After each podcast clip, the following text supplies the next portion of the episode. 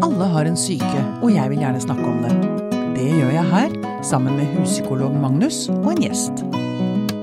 Dette er Pia på syke. Jeg har jo vært litt kritisk i en tidligere podkast, nå husker jeg ikke om det var med deg eller Simen, Magnus, men da jeg fikk min diagnose, Ja. så var det liksom å fylle ut eh, et par skjemaer, og så var det greit. Da var det gjort, liksom. Ja. Da er det selvfølgelig Jeg var jo tvangsinnlagt, så jeg hadde jo en epikrise, og det er jo selvfølgelig andre ting. Men jeg husker jeg tenkte den gangen at jøss, dette gikk fort. Det Ja. var ikke mye utredning eh, som skulle til her, gitt. Nettopp. Eh, det er ikke eh, Altså, disse diagnosene, de eh, Mitt inntrykk er at helsevesenet er ganske ivrig i å få satt en diagnose ganske fort. Det kan nok eh, flere oppleve, ja. Ikke sant? Og det tenker jeg kanskje ikke er så bra. Nei, eh, altså eh, Det er nå slik at eh, når, man, når man ender opp i spesialisthelsetjenesten, så er man jo opptatt av at da, da er det en grunn til at man er der. Så Mm. noe av det er litt sånn byråkratisk også. eh, At hvis man sorterer inn i spesialisthelsetjenesten, så må man eh, vise at man, har et, at man jobber med et problem når pasienter er der. Mm. Sånn er det i somatikken også. Det er jo litt Ja, akkurat. Altså når man har problemer med fysisk helse, så eh, loggfører man liksom hva, hva, slags, hva som er problemet, hva som er diagnosen. Mm. Så den samme tenkningen går jo litt over i uh, psykisk helsevern. Ja. Så har nok vi en litt annen måte å forholde oss til diagnose på i ulike situasjoner enn en resten av helsevesenet. Uh, diagnosene våre er ofte litt, hva skal man si for noe? Uh, no, visse diagnoser kan være litt sånn ferskvare. ja. Eh, og eh, er noe man stiller først. Og så er det slik at eh, vi eh, gjerne liker å bruke litt tid da, eh, på å bli kjent med et menneske, få veldig mye bakgrunnsinformasjon, Mm. og gjennomføre strukturerte intervjuer som tar lang tid, og bruke en del andre verktøy for å samle inn mest mulig informasjon for å, for å finne ut sånn hva som er eh, riktig kategori da, for Ja. de problemene som, Mm. de livsproblemene som pasienten beskriver Ja. er. Ja, for ferskvare i dag, det kan for eksempel være angst, Ja, for eksempel. Ja. Men så er det egentlig en bipolar diagnose som ligger under, kan hende etter hvert man kommer frem til. Det er mange varianter av dette her, men uh, som når det f.eks. gjelder bipolar lidelse, så er man jo så er jo det en diagnose som kan være ganske lett å stille innimellom. Mm. Fordi at hvis man først blir veldig dårlig, Mm. blir veldig oppstemt og får det som man kaller for en veldig sånn klar mani, Mm. så er det på en måte noe som Det er det en markør som viser at da har du en, en sånn tilstand som vi vet gjentar seg Ja. eh, veldig, veldig hos de aller, aller, aller fleste. Mm. Uh, og da er det, da er det mm, passer det inn i den diagnosekategorien. Og er på så, på, I så måte så er det en ganske nyttig Ja. beskrivelse, da. Mm. For å beskrive en sårbarhet og en risikofaktor. Ja, nettopp. Ja, så sånn sett så var det kanskje eh, ikke så rart at jeg fikk diagnosen. Det, altså det, det er kanskje en lettere, en lettere diagnose å stille enn en del andre. Uansett, Ja. vi skal snakke om diagnostisering og diagnosemanualer og systemer. Og vi har fått besøk av Erlend Strand Garsjord. Velkommen hit. Takk skal du ha. Du um, er ph.d. overlege ved Oslo, Universitet, Oslo universitetssykehus. Stemmer. Og du har også en bistilling ved psykiatrisk legevakt. Det har jeg. Og du, din doktorgrad, den handlet om subjektiv livskvalitet ved psykoselidelser. Ja, det stemmer. Ja. Vi skal snakke litt om DSM-systemet, altså den amerikanske diagnosemanualen, som i Europa kalles for EDC. Ja. ES, nei, IC, eh, kan jeg ICD. ICD-10, snart ICD-10. 11, Ja. eh, og DSM 5 nå, da. Eh, Men det er egentlig Verdens helseorganisasjon som har Mm. denne ICD-manualen, Mm. da. Mm. Mens det er da eh, den amerikanske psykiaterforeningen som lager eh, DSM, da. Ja. Men da har jeg lyst til å stille ett spørsmål først. Stemmer det at det er tolv mennesker som sitter i den eh, Som sitter og bestemmer hvilke diagnoser vi skal ha?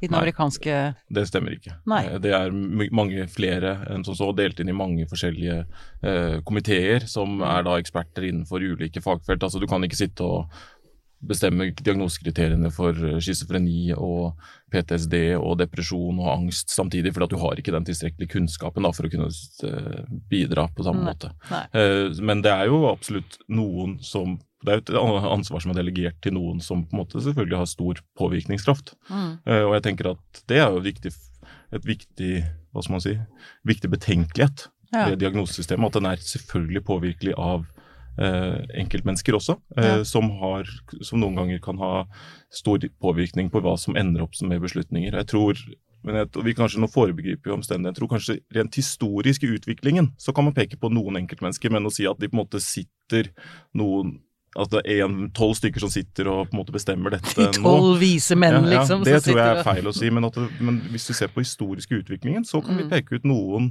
eh, veldig betydningsfulle mennesker som hvis de ikke hadde interessert seg for dette, Mm. så kunne det godt hende det hadde sett annerledes ut. Ja, Mm. ikke sant. Og det er en, et, et, eh, er viktig å ha med seg når man Tankekors. forholder seg til det. Ja, tankekors. Ja. tankekors. Mm. Men du, når, DSM-1, når kom den? Ja, Da snakker vi om 50-tallet. DSM2 er i hvert fall to- eh, 52, DSM1 er vel i mellomkrigstid. Ja, akkurat. Men sånn, Eh, det- sånn Det viktige skiftet skjedde jo rundt i Ja. DSM3. Ja, det, er- det er liksom eh, Jeg tror DSM2 kom i 52, DSM3 i 1980. Hva, hva Eh, var skiftet som skjedde der, da? Nå Eh, hopper du litt. Ja, men jeg, jeg gjør det. Ja. Er det en stru, har jeg en strukturfascist i studio nå?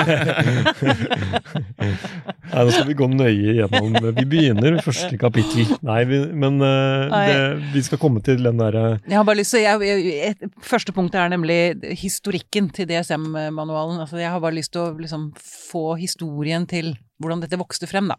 Ja. Mm. Det som har fått såpass mye makt, for det er det det har. Ja, ja, ja.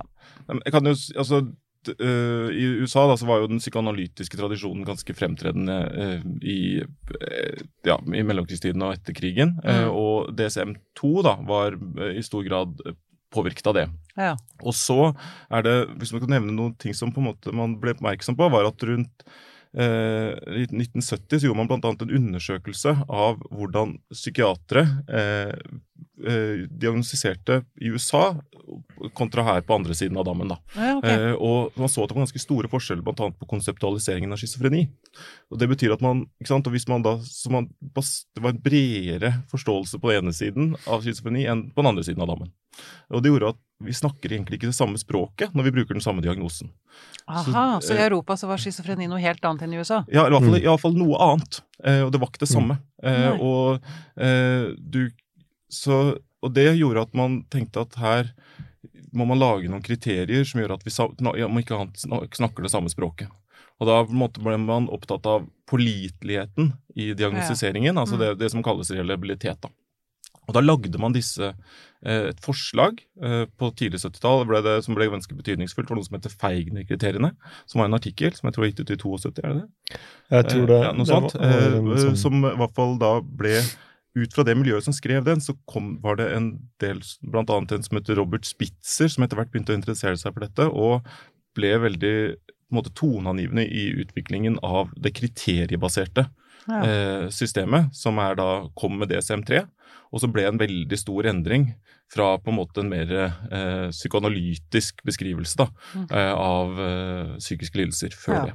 Nettopp. Og så har egentlig da både senere versjoner av DSM og ICD fulgt i kjølvannet av den endringen, da. Ja. Med fokus på dette med reliabilitet. da. Det har vært en sånn øh, veksling det der mellom miljøer og hvordan man har sett på diagnoser som har gått parallelt med denne utviklingen hele, hele veien. At man i visse miljøer var, hadde teorier om hva disse lidelsene, lidelsene var, og at man stilte diagnosen basert på det. Da, Mm. da, da må man jo tolke mye, ikke sant? Ja. eh, og bruke skjønn for å finne, finne frem til hva lidelsen var. Og så var det i økende grad eh, stemmer som eh, ropte på at eh, ja, men vi er ikke enige. Fordi det, jeg mener det var en som sa Kurt, Kurt Schneider var jo opptatt av dette, en, en, en psykiater som var opptatt av å skaffe mer eh, gode kriterier da, som man kunne være enige om for å lage diagnoser, og schizofreni var jo han opptatt av. Eh, Men rundt den tiden så var det også snakk om at innad i Europa at man på sånne konferanser, når man traff, traf hverandre, fant ut at man snakket ikke om de samme pasientene. Fordi en sveitsisk pasient med schizofreni var ikke det samme. De tyske eh, legene opplevde at eh, de, hadde en, de forholdt seg helt annerledes til dette her, så de snakket om litt andre, andre pasienter. Så det vokste jo frem, bare, frem av den type ting. Da. Ja. Ja, og jeg tenker interessant, det er jo, det er jo en som eh, Det er jo en som heter Kenneth Kendler, som har gått gjennom eh, altså beskrivelsen av schizofreni i lærebøker før 1960. Og da mm. er det, tror jeg det er 18 eller forskjellige beskrivelser. Okay. Ikke sant? Og, og, og, 20 forskjellige symptomer, hvor man har på en mm. måte valgt litt forskjellige i de ulike på en måte konseptualiseringene. Var... Jeg, jeg, ser de der kongressene hvor de sitter og snakker om mm. disse pasientene. Det må være helt baluba. Det er sånn Hæ, hva er det du snakker om? Ja. Jo, men jeg tenker at det på en måte illustrerer også at psykiske lidelser og forsøket på å forstå det, også på mange måter for, å kategorisere det. Det er forsøk på å beskrive og kategorisere noe som egentlig er ganske ukategoriserbart. Mm. Eh, og det er det mange som har forsøkt på, og det, er, det illustrerer at den, den, uenigheten tenker jeg også illustrerer at det er vanskelig. Ja. Eh, først og fremst, og, fall, og, det var det på den tiden, enda mer enn det er det nå. Og de ja. syns fortsatt det er vanskelig. Eh, ikke sant. Men er dette et sånt har, jeg, jeg, får sånn inntrykk av at man har så behov for å liksom finne den der endelige, perfekte løsningen på alt. Mm. Og så tenker jeg, men det er jo helt umulig. Altså, mysteriet mennesket er liksom Altså, det går jo ikke det. Nei, spør du meg? Ja, eller jeg spør dere begge. Her ja, nei, men jeg er jo enig i det, at det kanskje Um, altså det, det, var kanskje, Hvis vi trekker oss tilbake til det med DSM og hvordan det på en måte, DSM-3, da, hvordan det påvirket, så har vel det vært noe av kritikken, av, og som ikke var egentlig intensjonen tror jeg, for de som lagde det, at det skulle bli brukt som en sånn uh, på en måte, mm. Nå har vi fasiten. Uh, og, men det er kanskje det at det ble på en måte Eh, trykket opp i voldsomt mange eksemplarer og på en måte distribuert rundt i alle læresteder. ikke sant? Og så er det dette er det dere skal lære. Nå har vi på en måte Her har vi manualen, manualen for dere skal bruke, ikke sant? Og så er det jo da en blant annet som jeg synes er interessant, en som heter Nancy Andreassen, som har beskrevet på midten av 2000-tallet, som har sagt at det var egentlig etter hvert the death of phenomenology in the United States. Altså ja. at man, Hva er fenomenologi? Man, man, mistet på en måte eh, blikket på fenomenene. ikke sant? Hva er det ja, som foregår her ikke sant? hos mm. eh, pasientene, og i hvilken kontekst mm. eh, det foregår. Mm. Og så ble man veldig opptatt av å gå gjennom disse skjemaene og krysse av. ikke sant? Mm. Mm. Så tror jeg at vi ikke nødvendigvis forholder oss så slavisk til det eh, nå. altså Jeg tror ikke det. Eh, men jeg tenker at det likevel er eh, elementer av det hvor de har blitt altså på en måte, Jeg tror egentlig intensjonen til de som lagde dette, eh, som kanskje utgangspunktet lagde det for forsknings, mm. og forskningsøyemed, da, at det har mm. blitt litt, kanskje litt misbrukt i klinikken. Det har rett og slett vokst seg til et sånt stort monster som har bare spist opp alle? Det er, det er nok Ja, altså Ordentlig Eh, nå skulle jeg gi deg beskjed hvis jeg hostet, nå rakk jeg ikke det. Kom en veldig kjapp host her. Eh, nå uh, tror jeg også at det er veldig mange av oss vil og, og, sikkert de, mange av de som var med å lage disse systemene i utgangspunktet, vil tenke at det har utviklet seg mye av problemene, mange av problemene som har oppstått, har utviklet seg pga. de som leser manualene, og ikke pga. manualene selv. Ikke sant. Så det handler om det hodet altså, og, og, der er det et eller annet som går veldig tapt det at Og, og som gjør at uh, Som kan fyre opp under en del uh, kritikk av disse diagnosesystemene. Mm. Uh, fordi at de fremstår jo håpløst naive er dette beskrivelsen av mennesket. Altså mm. du skal mm. fylle disse fem kriteriene, og så har du en sykdom, og så, og så er det, er det, så får du en medisin, og, og takk for deg. hvorfor skal man snakke med noen? Kan man ikke da bare uh, lage et skjema på nett hvor man bare krysser av det, så har man uh, fått gjort det? Ja. Og det er jo rett og slett uh, der da hvor det er meningen at man skal utøve et skjønn, og det er meningen at man skal legge til mye mer fag enn det som står i den sjekklisten. Ja. Så det er egentlig meningen er på en måte fra å gå fra dette her veldig teoretiske bakgrunnen av å, å veldig opptatt av fenomenologi og fange hva er det egentlig vi prøver å hjelpe disse menneskene med, hva er det mm. egentlig som er problemet her, mm. og til at det da utvikler seg ulike kulturer som forstår fenomenet ulikt, og så prøve å styre kursen inn ved å komme med noe Hei, vi lager en manual med noen ja, ja. kriterier, så vi i hvert fall penser oss inn. Liksom. ikke sant? Vi, vi penser oss inn mm. på så vi kan bli litt enige. Mm.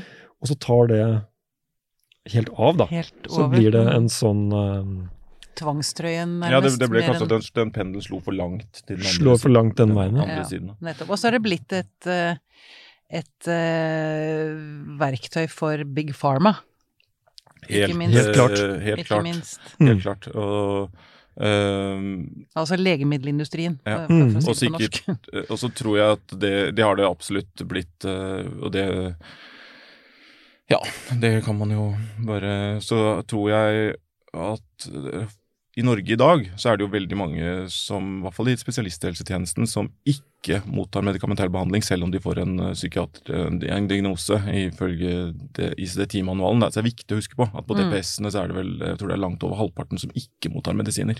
Okay, Ok. Så det er litt viktig å huske på at Ja. vi, eh, vi i dag har et ganske stort spekter av, av ikke-medikamentelle behandlingsalternativer som benyttes ganske mye. Det er ikke sikkert at de på en måte at de, ja, det, er en, det er en annen diskusjon, da, men det er ikke ikke sikkert at de får god nok psykologisk behandling og lang nok, da, for å være helt ærlig. Men, men det er noe sånn der. Men det er ikke sånn at eh, heldigvis da, at ikke at sånn i dag at en diagnose nødvendigvis utløser et, et forslag om eh, medikamentell behandling. Nei. nei. Eh, det er det ikke. Eh, men jeg vet at det har i mange steder nok blitt, blitt vært sånn, og kanskje i USA i særlig grad. Ja, jeg tenkte på han eh, Alan Francis. Ja. Gikk jo ut, han er jo pensjonert nå, Ja, ja. og gikk ut og angrer som en hund for at de blant annet innførte bipolaritet hos barn. For de så ikke det, hvordan legemiddelindustrien utnytta det på det groveste. Han solgte jo Mm. milliarder. Mm. Eh, Det er ganske Ja. Diag diagnostisering av barn syns jeg i hvert fall altså Det er skikkelig krise, liksom. Altså Hvis man skal begynne å stappe barn inn i sånne bokser Ja. fra de er Mm. små. er- Ja, i alle fall hvis det på en måte er uh, ensbetydende med at man skal gi dem uh, psykofarmaka. Uh, Ja, så, ja, ja, ja, så, er det, så er jeg helt enig i at det er dypt problematisk. Ja. Det er det. Ja. Men du skulle til å si noe annet da jeg Nei, for jeg tenkte bare tilbake til det du sa, at det er og igjen, det er jo, kan du jo referere da til Alan Francis, da, for han har jo vært også en av de som har sagt at, at manualen er est ut, for du sa det er blitt et monster. Ja. Mm. og det tenker jeg er verdt å dvele litt med, fordi at, og hvis du også kobler det opp mot dette med vi snakket om fenomenene. Mm. Eh, for man kan jo tenke seg at fenomenene vi snakker om her, hvis de store fenomenene er relativt gyldige, og uh, altså f.eks. depresjon som et ja, de fenomen store fenomenene. Altså angst, depresjon Angst, depresjon, Mm. psykose. Mm, Mm, mm. Det er nok gyldige fenomener. Mm. Som hvis vi hadde reiterert historien, Mm. så hadde de dukket opp igjen. Vi hadde sagt Mm. at ja, men dette er noe eget, på en måte, eh, og som eksisterer der ute. Ja, for det, og dette ser vi jo til langt tilbake i alle skriftlige Det er- beskrevet altså er altså, beskrevet fra antikken, ikke sant? Ja. Mm. Så er spørsmålet om disse, alle disse underkategoriene Mm. altså, sant, eh, er så gyldige. Mm. Ikke sant? Og det er der vi ofte blir sittende og liksom klø oss i hodet. Ja, men er det schizoaffektiv lidelse og depressiv type, eller er det schizofreni, eller er det bipolar, og, ikke sant? eller er det eh, kortvarig, kort, kortvarig forbigående Mm, mm. psykotisk forstyrrelse og sånne Mm. type ting. Og, jeg, Mm. altså, og de, eh, den findiagnostikken, den er det egentlig ganske store grunnlagsproblemer knyttet til. Ja. Eh, så, og det de ville, og det, og det er på en måte et argument som er viktig å ha med seg, at hvis vi hadde reiterert historien, så ville sannsynligvis de ikke, mange av de ikke gjennomstått. Mm, Og da må vi, da er det på en måte, da må vi stille spørsmålstegn om det er faktisk noe, ikke sant? Mm, mm. Eh, eller om det bare er vår på en måte forsøk på å kategorisere noe Ja, og så er spørsmålet mitt hvorfor er det så viktig å kategorisere? Fordi altså psykoaffektiv Jeg kan jo ikke alle de Schizoaffektiv, ja. Det er ikke så farlig for meg, da. Men Jeg tenker jo heller ok, hvis vi tar disse grunn, grunnstenene, altså depresjon, angst, eh, eh, psykose, og så heller ok, du er der. Eh, hva, hvordan kan vi hjelpe deg med det? Altså, Mm. hvem er du oppi dette? Hva, hva, hva, er dine omstendigheter? Hvem er Mm. dine altså, Hvordan er familie altså, Begynne der istedenfor å, å bruke masse tid på å liksom pinpointe Mm. akkurat den ene diagnosen. Nei, og jeg, det er jeg jo enig i. Jeg tenker at vi skal, eh, vi skal gjøre en kartlegging, Mm. eh, men vi må ha, det må ha et visst magemål. da, Mm. Og at det må på måte på et eller annet tidspunkt stoppe. og Fordi at vi tror at det finnes At vi kanskje skal liksom Hvis vi er usikre, så er det et eller annet med at vi tror vi skal liksom fange noe. ja, sant? Eh, og så eh, er det ufa det er ikke mulig å fange det. Eh, og du blir ikke noe sikrere eh, av å gå gjennom et nytt skjema hvis du er usikker. Eh, tror jeg ofte. Altså Mhm. Av og til så er det selvfølgelig du kan spørre en klokere kollega, så kan du mm. Så jeg tror det er viktigere hvis du skal gjøre noe, da, eh, enn å, at du heller spør noen andre til råds, ikke sant. Ja, for, for, Men, ja. men det er eh, det er ofte så på en måte bruker man for mye tid hvis man er usikker, istedenfor å si men veit du hva, her kommer vi ikke nærmere svaret, men vi har funnet noe hva det er mest forenlig med. Ja. Og så må jeg gå og snakke med vedkommende Mm. eh, som sliter med dette, og Mm. prøve å diskutere hva, hva hun eller han tenker om Mm. eh, dette, og hva vi kan gjøre med det. Ikke sant. For jeg tenker på, for, for meg så var det jo i og for seg, eller for min omverden tror jeg kanskje enda mer, eh, godt at jeg fikk diagnosen. Det forklarte en del. Og, det, og jeg kunne lene meg mot det, ikke sant. Um, Mm. Men for en pasient så er det jo ikke nødvendigvis sånn at fordi man får en diagnose, så blir alt bra. Altså eh, heller tvert imot, så at Mm. man blir stappa inn i en eller annen bås, og så går man inn i et pakkeforløp, eller altså, ja. Mm. Så mister man liksom mennesket på veien der. Mm. Er dere enig i det? Ja, jeg er litt enig i det, og eh, bare tilbake igjen til det du snakket med Erlend om nå nettopp. altså, og Det er et sånt grunnleggende problem, ikke ved diagnosesystemet, men ved all psykologi. Eh, at man eh, prøver å avgrense fenomener eh, og, og gruppere mennesker sammen fordi de deler noen fellestrekk. Mm. Og, og så er det slik at når man da forsker på de og prøver å finne sannheter om de som deler disse fellestrekkene, så får man ikke noen sannere informasjon. Ofte får man ikke noen, man får ikke noen sannere informasjon enn det hva man vil få hvis man har personen rett foran seg og undersøker det individet. Mm. Så det å ha blikket på det individet som sitter på ditt kontor, og gjøre intervju med nettopp den personen, vil gi deg veldig mye mer valid Gi deg veldig mye mer valid informasjon om hva det mennesket lider av Mm. og sliter med, Mm. Eh, enn en enn diagnosekategorien. Diagnosekategorien vil hjelpe deg til å sortere innad i helsebyråkratiet. Og så er det også viktig å si da, at noe av den kunnskapen som kommer frem ved bruk av forskning på di- diagnosekriterier, vil deg, kunne, gi deg veldig gode råd om hva som kan være veldig nyttig å bruke i den behandlingen. Mm. Men det som jeg tror ofte Det som går feil ved grov, eh, grovt misbruk av diagnosekategorier, er når folk blir vel mindre opptatt av pasienten, men opptatt av hvilken diagnose pasienten har, Mm. og at det blir en kommunikasjon av typen 'vent litt, nå skal jeg finne ut hva, som, hva du sliter med', for jeg må bare lese i alle disse gruppegjennomsnittene de har forsket på her gjennom Ja. historien, så skal jeg fortelle deg Hva, hvordan, hvordan du skal leve livet ditt, Mm. og hva det er som er riktig for deg å gjøre og sånn. Mm. Og det er jo helt håpløst naivt, men det er, Mm. der er det på en måte en eh, Det ligger ikke i diagnosesystemet at de, de sier deg at her får du svaret. Så det er også igjen, tenker jeg, egentlig kanskje et problem med, med kulturen eh, i, blant, med, blant de som bruker disse diagnosemanualene. Mm. At eh, man må bruke de riktige og, og, og eh, være, være veldig bevisst denne grunnlagsproblematikken. da. Mm. Mm. Ja, jeg tenker, ikke sant, relatert, Du sier at den får en merkelapp. Det er veldig trist hvis folk opplever det som det. ikke sant? Og Hvordan kan man på en måte prøve å unngå at de opplever det på den måten? Og Mm. Da er i hvert fall mitt anliggende når jeg snakker med, eh, eller diskuterer dette med kollegaene mine, at vi skal bruke den tiden som det eventuelt hadde tatt å gjøre et skjema ekstra, eller prøve å liksom eh, hadde vi vi heller bruke sammen med pasientene til å fortelle oss ja, du har presentert for meg de, at du har de og de plagene. Mm. og, vi, og jeg, når vi eh, og Diagnosekriteriene de er bygd opp på denne og denne måten, med de og de styrkene og de og de svakhetene. Og når du har de plagene, så er det mest forenlig med det. Ja. Og så har dette oppstått hos deg i etterkant av, det, sant, av den og den stressbelastningen eller noe sånt, ting, eller på- fordi du har den og den opphopningen av eh, psykisk lidelse i familien, eller ikke sant. Og så Mm. tror vi at det vil være den riktige behandlingen for deg. Mm. Basert på det tror vi er dette. ikke sant? Men Mm. på en måte prøve å avmystifisere det, altså den diagnostiseringen også overfor pasienten. Ved å Ja. forklare dem hva egentlig hva er, det, hva er det dette er basert på. da. Jo, Bruke gjerne en time på det. altså. Ja, ja, Det- men det, og det, dette krever jo Altså, jeg sitter jo og tenker på hvordan det er da i psykisk helsevern ute i kommuner og sånn nå, ikke sant. Det er, du får ti timer og pakkeforløp og ferdig ut med deg, ikke sant. Altså, det er eh, Jeg holdt på å si nå tar jeg meg selv du, du krever mye av behandlerne, og selvfølgelig skal vi kreve så mye av behandlerne, men ah, det er jo ikke tid til det.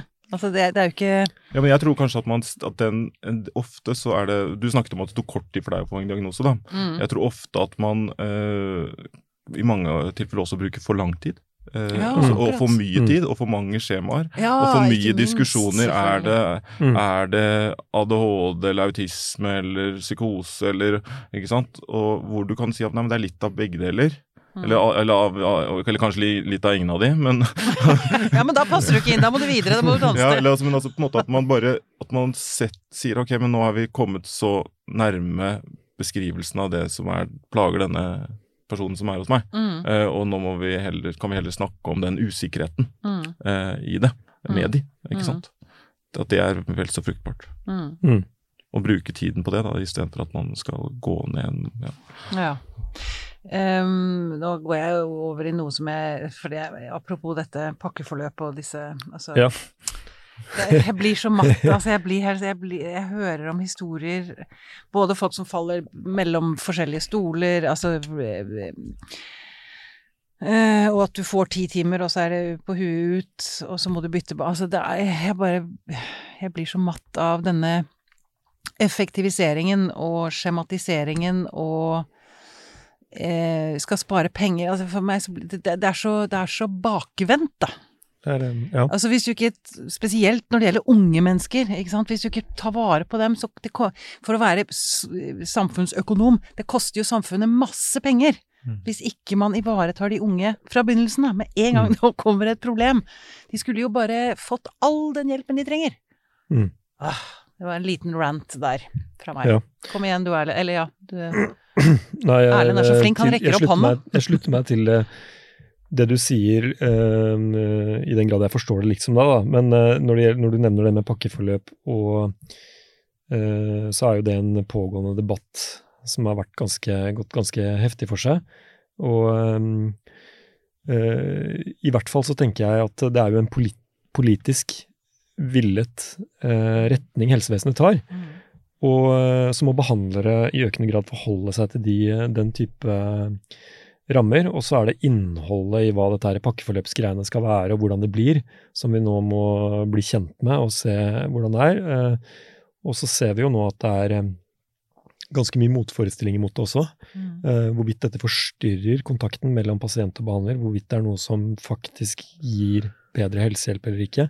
Det er noe eh, jeg tenker at Jeg skal ikke jeg foregripe noen konklusjoner på akkurat dette her nå, men si bare det at det bør vi være veldig opptatt av. Ja, veldig. Hva er det som de som dette går utover, hva mener de om det? Mm. Hvordan virker det på, på rammene? Og ja, er dette noe vi ønsker å gå videre med? Ja, og hva blir resultatet av det, liksom? Altså, Mm. ja. Nei, jeg Altså, pakkeforløp er vel Det er jo som mange sier, det er jo en Altså, politikerne har jo også behov for noe mer Altså kanskje litt for, Altså alle har vi behov for litt folkeopplysning, kanskje, eh, knyttet til dette. Det er bra at vi driver med at vi diskuterer dette nå, da. At, det, på en måte, at vi i en større grad forholder oss til, litt mer pragmatisk til disse tingene. Og på en måte ikke Jeg tror politikerne også har på et eller annet vis klokketro på at bare vi får liksom Strukturert, strukturert dette, så ja. Pass På et riktig skjema, bare Ja. få laget riktig skjema, så blir det bra. og så vet jo vi som jobber med dette, at det er en voldsom heterogenitet, ikke sant? Eh, Voldsom? Heterogenitet, tror, ja. eh, ikke sant? Med, også internt blant de ulike diagnosene. Så Mm. det og det tar jo, tror jeg vi i hvert fall til en viss grad eh, tar høyde for, da. Men det er ikke så lett å ta høyde for når du skal på en måte eh, planlegge dette på et mye høyere nivå. Da, Eh, og sånn, da blir det kanskje sånn som dette. Men jeg tror det også, også dette er ting som stjeler tid eh, fra fokus. Så tror jeg samt, Stjeler tid for hvem? Stjeler tid for behandlere, ikke sant? Ja, ja. for de blir opptatt av veldig mye registreringer og ja, den type ting. Da. Ja. Men, men det eh, Samtidig skal man huske på at en del av Altså, noe av det er bra. Mm. Ok, Eh, Hva er det som er bra? Eh, det eh, som jeg tenker at er bra, er eh, noe av det er at dels et fokus på at man innledningsvis skal ha faktisk en kartlegging. Eh, Ja. Og at den skal være egentlig det, Når de setter disse fristene, så er det en jeg tror man kan være flinkere til å faktisk overholde de fristene eh, for utredning. At det ikke tar lenge, for det er egentlig ikke satt opp til at det skal ta så lang tid. Mm, Eh, så jeg tror at det er greit. mm, Og så tenker jeg at det at man, det er et fokus på at man skal lage en behandlingsplan sammen med pasienten, mm, eh, og at man skal eh, gjøre det med jevne mellomrom, Mm. eh, det er bra. Mm. Så tenker jeg at det er altfor lite fleksibelt. Det er det som mangler i dette. ikke sant? ja. At der, er, For noen som jeg, jeg jobber, så går jo pasientene hos meg i fem år. Noen av de. Ja. Og det er helt unødvendig at jeg skal lage en ny behandlingsplan hver tredje måned. Mm. ikke sant? Det, det, er ba, det føles bare idiotisk ut. Ja, For det er en del jeg visste ikke at det var Og det må jeg gjøre, da. Ikke sant? Ja, Oppdatere den og ikke sant? Gjøre masse sånne registreringer knyttet det, det føles rett og slett bare Men det er laget som kvalitetssikring, liksom? ja, ja, og, det er og, det, ikke sant? og det er dette som blir bemålt på, da. ikke sant? Og Ja. vi følger disse tingene. Og, det, Mm. og da, da skjønner du at her er det ikke det, Her er man burde man på en måte justert eh, dette eh, litt mer altså Hatt en mye større fleksibilitet, rett og slett. Mm. Ja. Eh, og det hadde vært lett å endre på. Mm. eh, spør du meg. Ja. Eh, og, og det, så det er det som disse systemene ikke klarer å ta opp i seg. Det er, noen, eh, det er ganske få ting ikke sant, som man Mm. prøver å få til. Mm.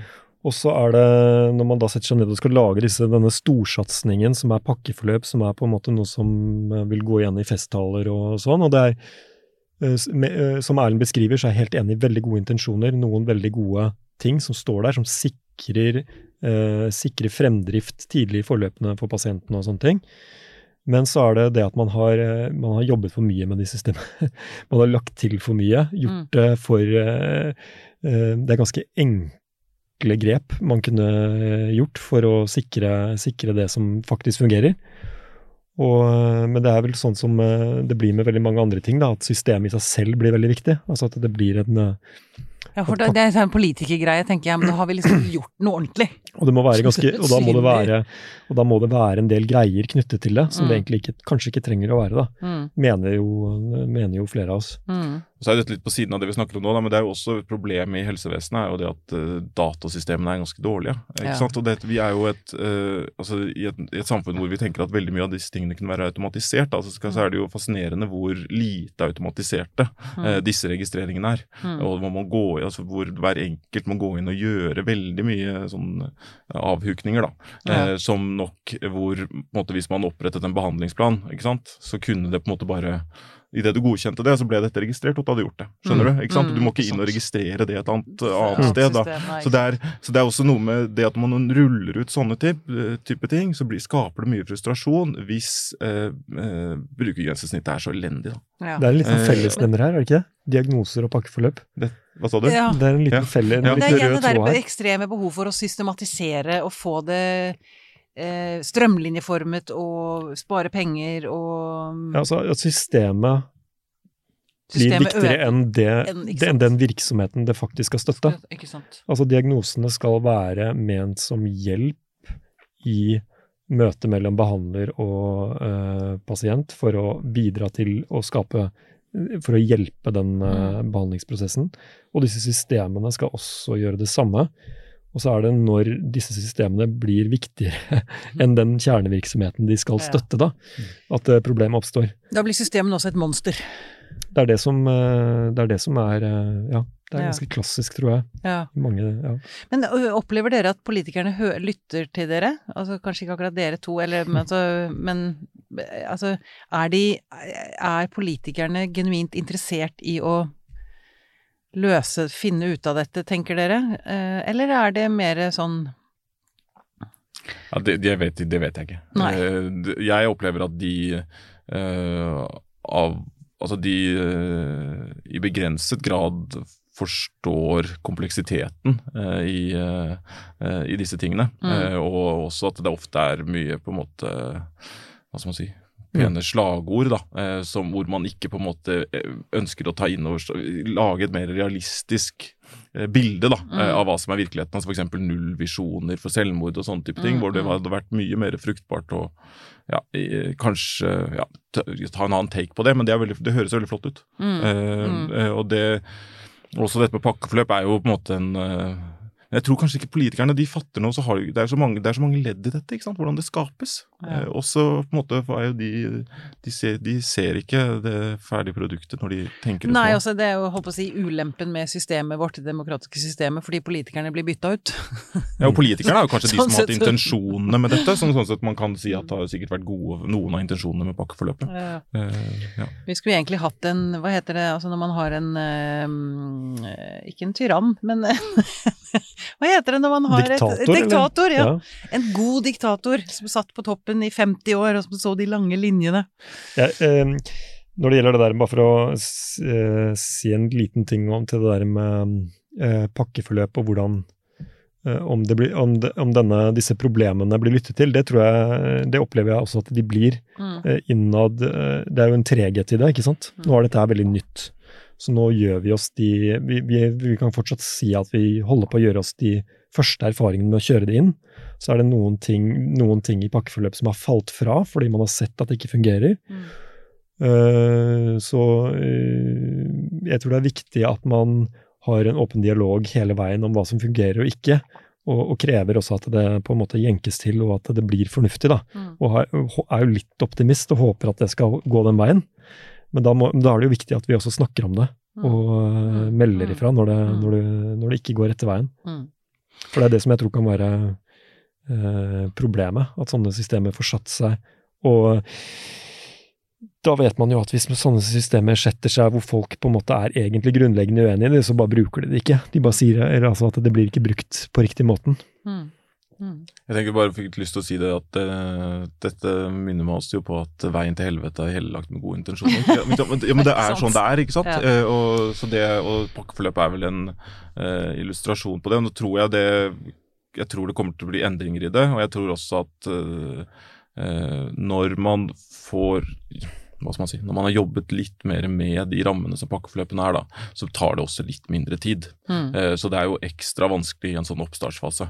Ja. Men, men det har hatt en veldig trang fødsel også, det pakkeforløpet. Og det, er, det er mye negativt å si om det. Ja, jeg, jeg Men- men har bare negative assosiasjoner når jeg hører det ordet. men, ja, men, og det er det som er problemet, at da, og da forsvinner eh, ikke sant? Det, utrullingen av dette har, har gjort at og måten det har skjedd på, eh, Mm. og fokuset på all den registreringen av de elendige datasystemene, har gjort at folk har ikke, vi har ikke diskutert intensjon. Mm. Vi har glemt helt om hva som var, hva, hva var intensjonen med dette. var, ja? Men jeg har lyst til å vri litt grann over til eh, legemiddelindustrien. Eh, vi hadde Fanny Duckert her, eh, hvor vi snakket om rus. eh, og da var vi, toucha vi så vidt innpå, husker jeg ikke navnet på legemidler, men opioider. Eh, og eh, alle dødsfallene som følger eh, i kjølvannet av overmedisinering av det i USA.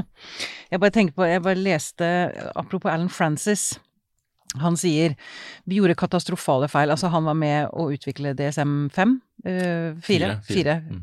Ut, ja. Uh, Han- han, ledet vel? Han ledet, Han ledet vel det- det- arbeidet med DSM-4, og så tror jeg han var uh, Var ikke han liksom en av sånn undersåttene til han Robert Spitzer, da? Sånn Mm. i DSM-3, så jeg tror han Han Og så har han vært en skarp kritiker av DSM-5 da, etter hvert. etter hvert, Ja. etter at han pensjonerte Ja. seg. Mm. Men han sier da vi gjorde katastrofale feil. Vi tok ikke høyde for Big Pharma, altså legemiddelindustrien. Vi forsto ikke den gigantiske le legemiddelindustriens pengebegjær, makt og politiske nettverk. Vi laget diagnosene, og de utnyttet det til fulle. USA er blitt en pilletrillende nasjon, barna ikke minst, og livene våre er psykiatrisert. Ja. Og så leste jeg nettopp at uh, disse uh, Hva heter dette stoffet? Med, ja. Det er også nå på økende i Norge. Leger i Norge skriver ut dette mer og mer. Mm. Hvorfor skjer det?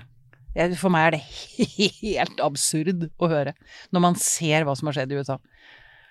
Nå stiller jeg deg til veggs, jeg har ikke varslet at jeg skulle ta opp dette, så det var, det var en slags eh, Nei, det Jeg tror det han Altså hvorfor man gjør det, er vel det at det er så at når ting kommer på indikasjon, og det er jo det Vet ikke om du har lest Nei, sett denne HBO-dokumentaren, 'Crime of the Century', som nettopp handler Nei, om den, eh, det har jeg blitt ja, tipset om. Jeg har ikke Eh, sett som nettopp handler om opioidepidemien i USA. ikke sant? Mm. Så ser du jo på en måte hva er det som er flaskehalsen her. Jo, det er å få det, den godkjente indikasjonen. Mm. ikke sant? Eh, At lege, Norge, da Legemiddelverket må på en måte si at yes, eh, klarsignal, ikke sant. Mm. Eh, Og da er det vel da at kan, eller opiatpro, opiatprodu- opiater kan behandle, har eh, indikasjon på kroniske smerter, blant annet. Og det er det jo Mm. mange som har. Mm. Eh, og da eh, på en måte begynner dette å bli eh, forskrevet.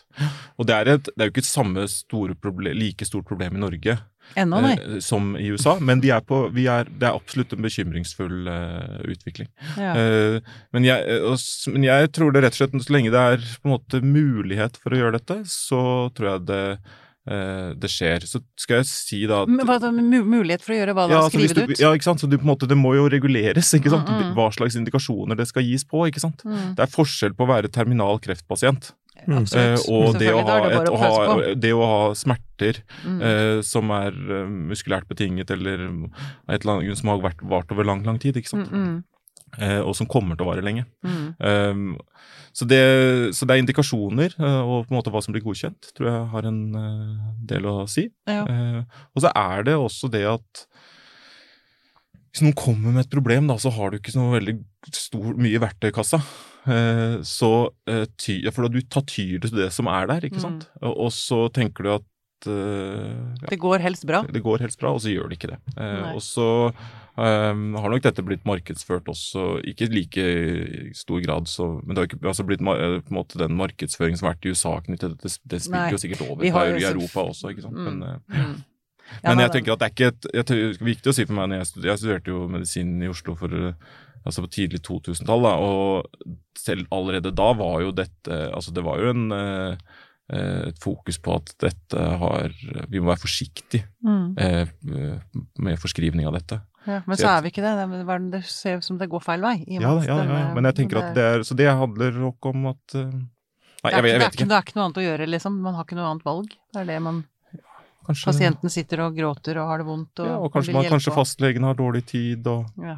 Eller så begynner man med dette etter en operasjon, ikke sant. Og så mm. blir, er det ikke det at man Det er lettere å begynne med noe enn å slutte med noe.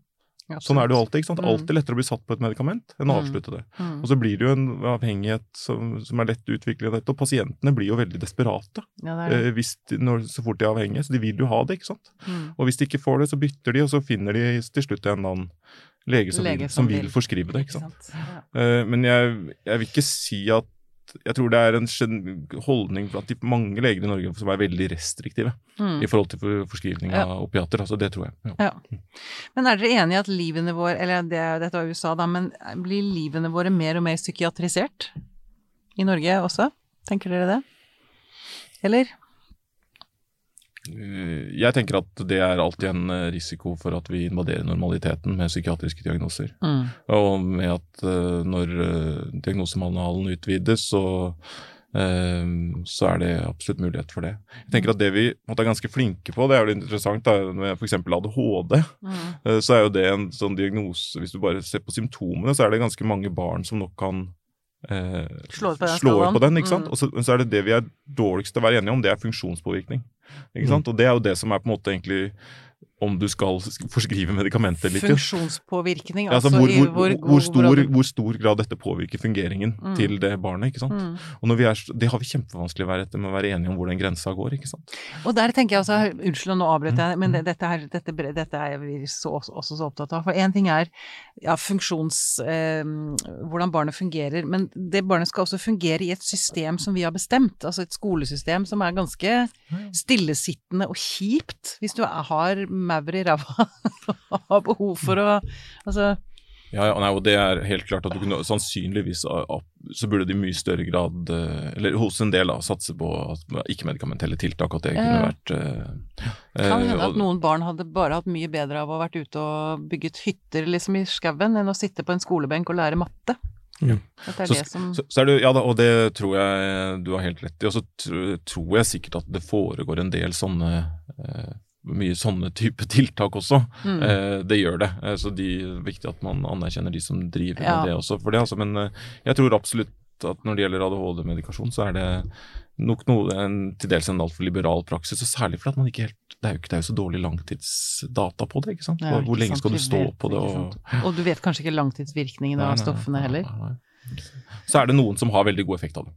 Ikke sant? Men ja. det er, ja, indikasjonen bør være streng. Ja.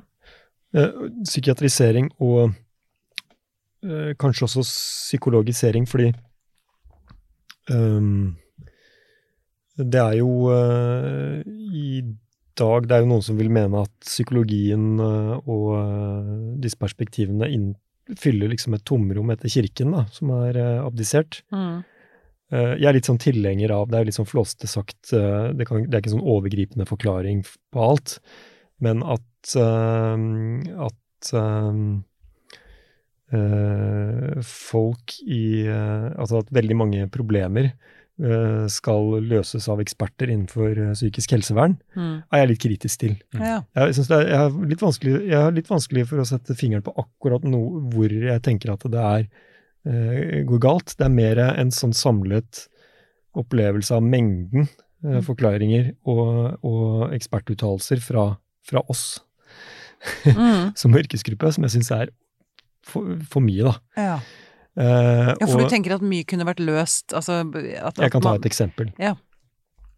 Uh, for eksempel så har du dette her med at barn og unge Uh, har At man tenker at det er en økning, man lurer på om det er en reell økning i psykiske helseplager hos barn og unge. Mm. Eh, da er vi eh, veldig raske med å si at ja, da må flere gå til psykolog, flere penger må inn i psykisk helsevern, vi må ha psykisk helse i, i skolen som fag. Og jeg vet ikke hva som er det rette tiltaket, jeg bare tenker at vi griper veldig, veldig lett Til den eh, løsningen, ja. Ja, at det er, eh, det er litt sånn at hvis, Som om det er det, vi, det, er, det er det vi går til på ryggmargsrefleksen. Hvis det er Mm. psykiske problemer, så er det jo Mens det perspektivet som da kanskje glipper litt, og som eh, en sånn diagnosekultur eller en psykolo psyko psykologiseringskultur eh, kan gjøre av skade, så er det kanskje å gå glipp av at ja, men det kan jo hende det at barn og unge at det er helt andre tiltak de trenger. Mm. At det kan være mye større ressurser til lærerne. Kanskje de skal ha mindre klasser, eh, en annet innhold i skolen, Mm. eh, og, og helt andre mer eh, Hva skal man si for noe? Ikke behandling av problemer, men eh, å booste gode sider av livet og fylle Ja, livet med mer mening og innhold. Mm. Det er jo også en psykologisk innfallsvinkling, men som ikke putter klingende mynt i psykologens kasse. Mm. Eh, Men som kanskje er riktigere, tenker jeg da. Ja.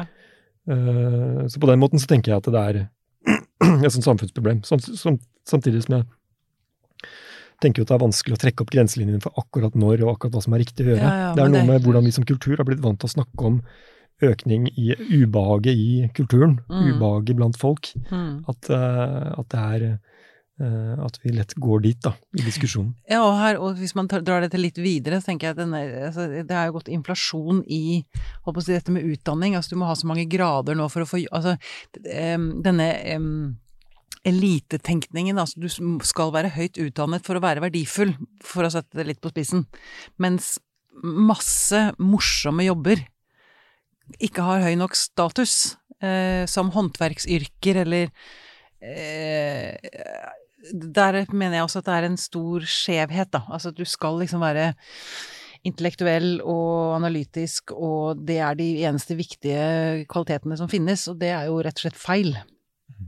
Selv om nå jeg sitter sammen med to analytiske, Men- men intellektuelle, er- intelligente mennesker, så Det var en interessant tanke, men tenker du at det er også en altså det, den um, for, det må man tenke at altså, for Klasseforskjeller skaper jo også psykiske mm. eh, psykisk uhelse, da. Mm. et- og, men te, tenker du at det er en del stigma knyttet til disse, hva skal man si, mer hånd... Ja, det tror jeg. Det mener jeg absolutt. ja. Foreldre som pusher barna sine fremover, ikke sant. Du skal bli som meg, eller du skal Mm. bli bedre enn meg, eller du skal, ha- du skal Altså, for å gjøre det ordentlig amerikansk, du skal på Harvard. Koste hva det koste vil, liksom. Altså, det er jo så ødeleggende som Altså, hvorfor? Hvorfor, hva er vitsen? Hva, hva, hvorfor er det så viktig å få en høy utdanning? Nødvendigvis, jeg sier ikke, jeg er ikke mot utdanning, det er ikke det jeg sier, men, men det er noe med igjen plass til alle, liksom. Mm. Vi har alle forskjellige anlegg og lyster og altså Og Jeg skulle noe- ønske ja. at det var mye, mye videre. Jeg mener at Norge er ganske trangt. Trangt hva, hva som er akseptert, hva som er Og hvis anerkjent. Og hvis riktig diagnose på det problemet, som er litt i retning av det du nå beskriver, da, Mm. eh, så er det jo en filosofisk utarmet og veldig grunt svar på det problemet å, å bygge ut psykisk helsevern. Ja. Det er jo eh, Ikke sant? Mm. Så de eh, eh, Nå tenker jeg jo at psykisk helsevern trenger gode rammer og gode midler. Det er ikke Mm. på ingen måte det jeg mener, men i, i, i disse diskusjonene hvor vi skal prøve, prøve å løfte perspektivet og prøve å forklare samfunnstrender og sånn, Mm. så eh, tenker jeg at vi også trenger å trekke inn helt andre perspektiver. Mm. Og da er jo klasseperspektivet er jo én ting. altså Det er jo bare å se på forekomst av depresjon i, eh, blant de som er fattige i USA, har man jo forsket mye på det. Mm. Jeg tror det er en, eh, nærmere en tredobling av eh, risiko for å, for å få psykiske lidelser og depresjon, da, spesielt hvis du er fattig i USA f.eks. Ja, men altså, økonomiske problemer er, skaper jo store psykiske problemer. Det kjenner jeg jo igjen, jeg. Altså, ja. virkelig. Det er jo ingenting som er mer slitsomt enn da- å ikke vite om du overlever neste måned, liksom. Ikke sant? Og da, da, da trenger du en pille. Jo, da, ikke sant. For da bare da Da renner jeg det med pengene inn litt på kontoen. opioider. Ja, du skulle si noe, Magnus? Nei, nei, jeg syns det var Det var egentlig eh, nett, nettopp det. Altså, det, det, det er det, Det, der greiene that med summed it up perfectly, liksom. Ja, for da, da er det jo eh, Det går an å hegne om eh, nytteverdien av et diagnosesystem, men samtidig ivareta disse perspektivene på, på, de, på de samme fenomenene. Ja. Ja, og jeg tenker at Det du sier om, om at det at vi, vi har veldig alt, ofte et sånt individfokus. ikke sant? På Mm. at det, at vi er liksom, det er jo på det der at når, når skaden har skjedd, så skal vi på en måte gå inn og gjøre noe, på en måte. Mens Mm. de på en måte med denne, primærforebyggingen, da, eh, som, som er ofte mer på strukturelt nivå, Mm. den eh, er vi mye dårligere på og satses mye mindre på. Men da har vi vel i grunnen løst problemet til samfunnet, har vi ikke det? Sånn noenlunde? Vi har satt det på plass nå. Jeg håper det er folk med, folk med veldig mye makt og innflytelse som lytter, da, så kan de notere og bare sette, iverksette. Er det det du tenker, Erlend? Eh, ja, det er eh, kanskje det. Men så tenker jeg også at forandringen eh, det skjer jo også i oss folk. Altså det er jo ikke bare de som sitter ved makta som skal gjøre alle endringene. Vi har jo et visst ansvar sjøl òg. Mm, Til å en, gjøre endringer og påvirke og mene og tenke og snakke og Mm. mm. Helt Det- klart. Og det har vi både i, på en måte, i sånne folkeopplysning, ikke sant, som dette er, og eh, i møte med pasientene, vi behandlere ved, og i møte med hverandre som i behandlere, så er det viktig at vi også diskuterer og på en måte er åpne om de på en måte, grunnlagsproblemene som er knyttet til det vi driver med. Da. Ikke sant. Eh, og så tror jeg det der å miste av syne konteksten, eh, det, er, det vi noen ganger risikerer å gjøre. Mm. Og hvis vi gjør det, så på en måte, da ser vi ikke pasienten i det hele tatt. Og da risikerer vi egentlig å eh, fatte helt feil tiltak, da. Mm. Nydelig avslutning der. Tusen takk for at du kom til oss, Erlend Strand Garsjord. Takk skal du ha for at jeg kom med.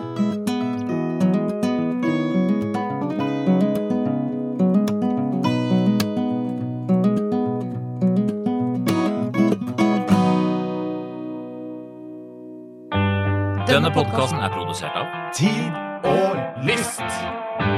Med støtte fra stiftelsen Kåre Berg.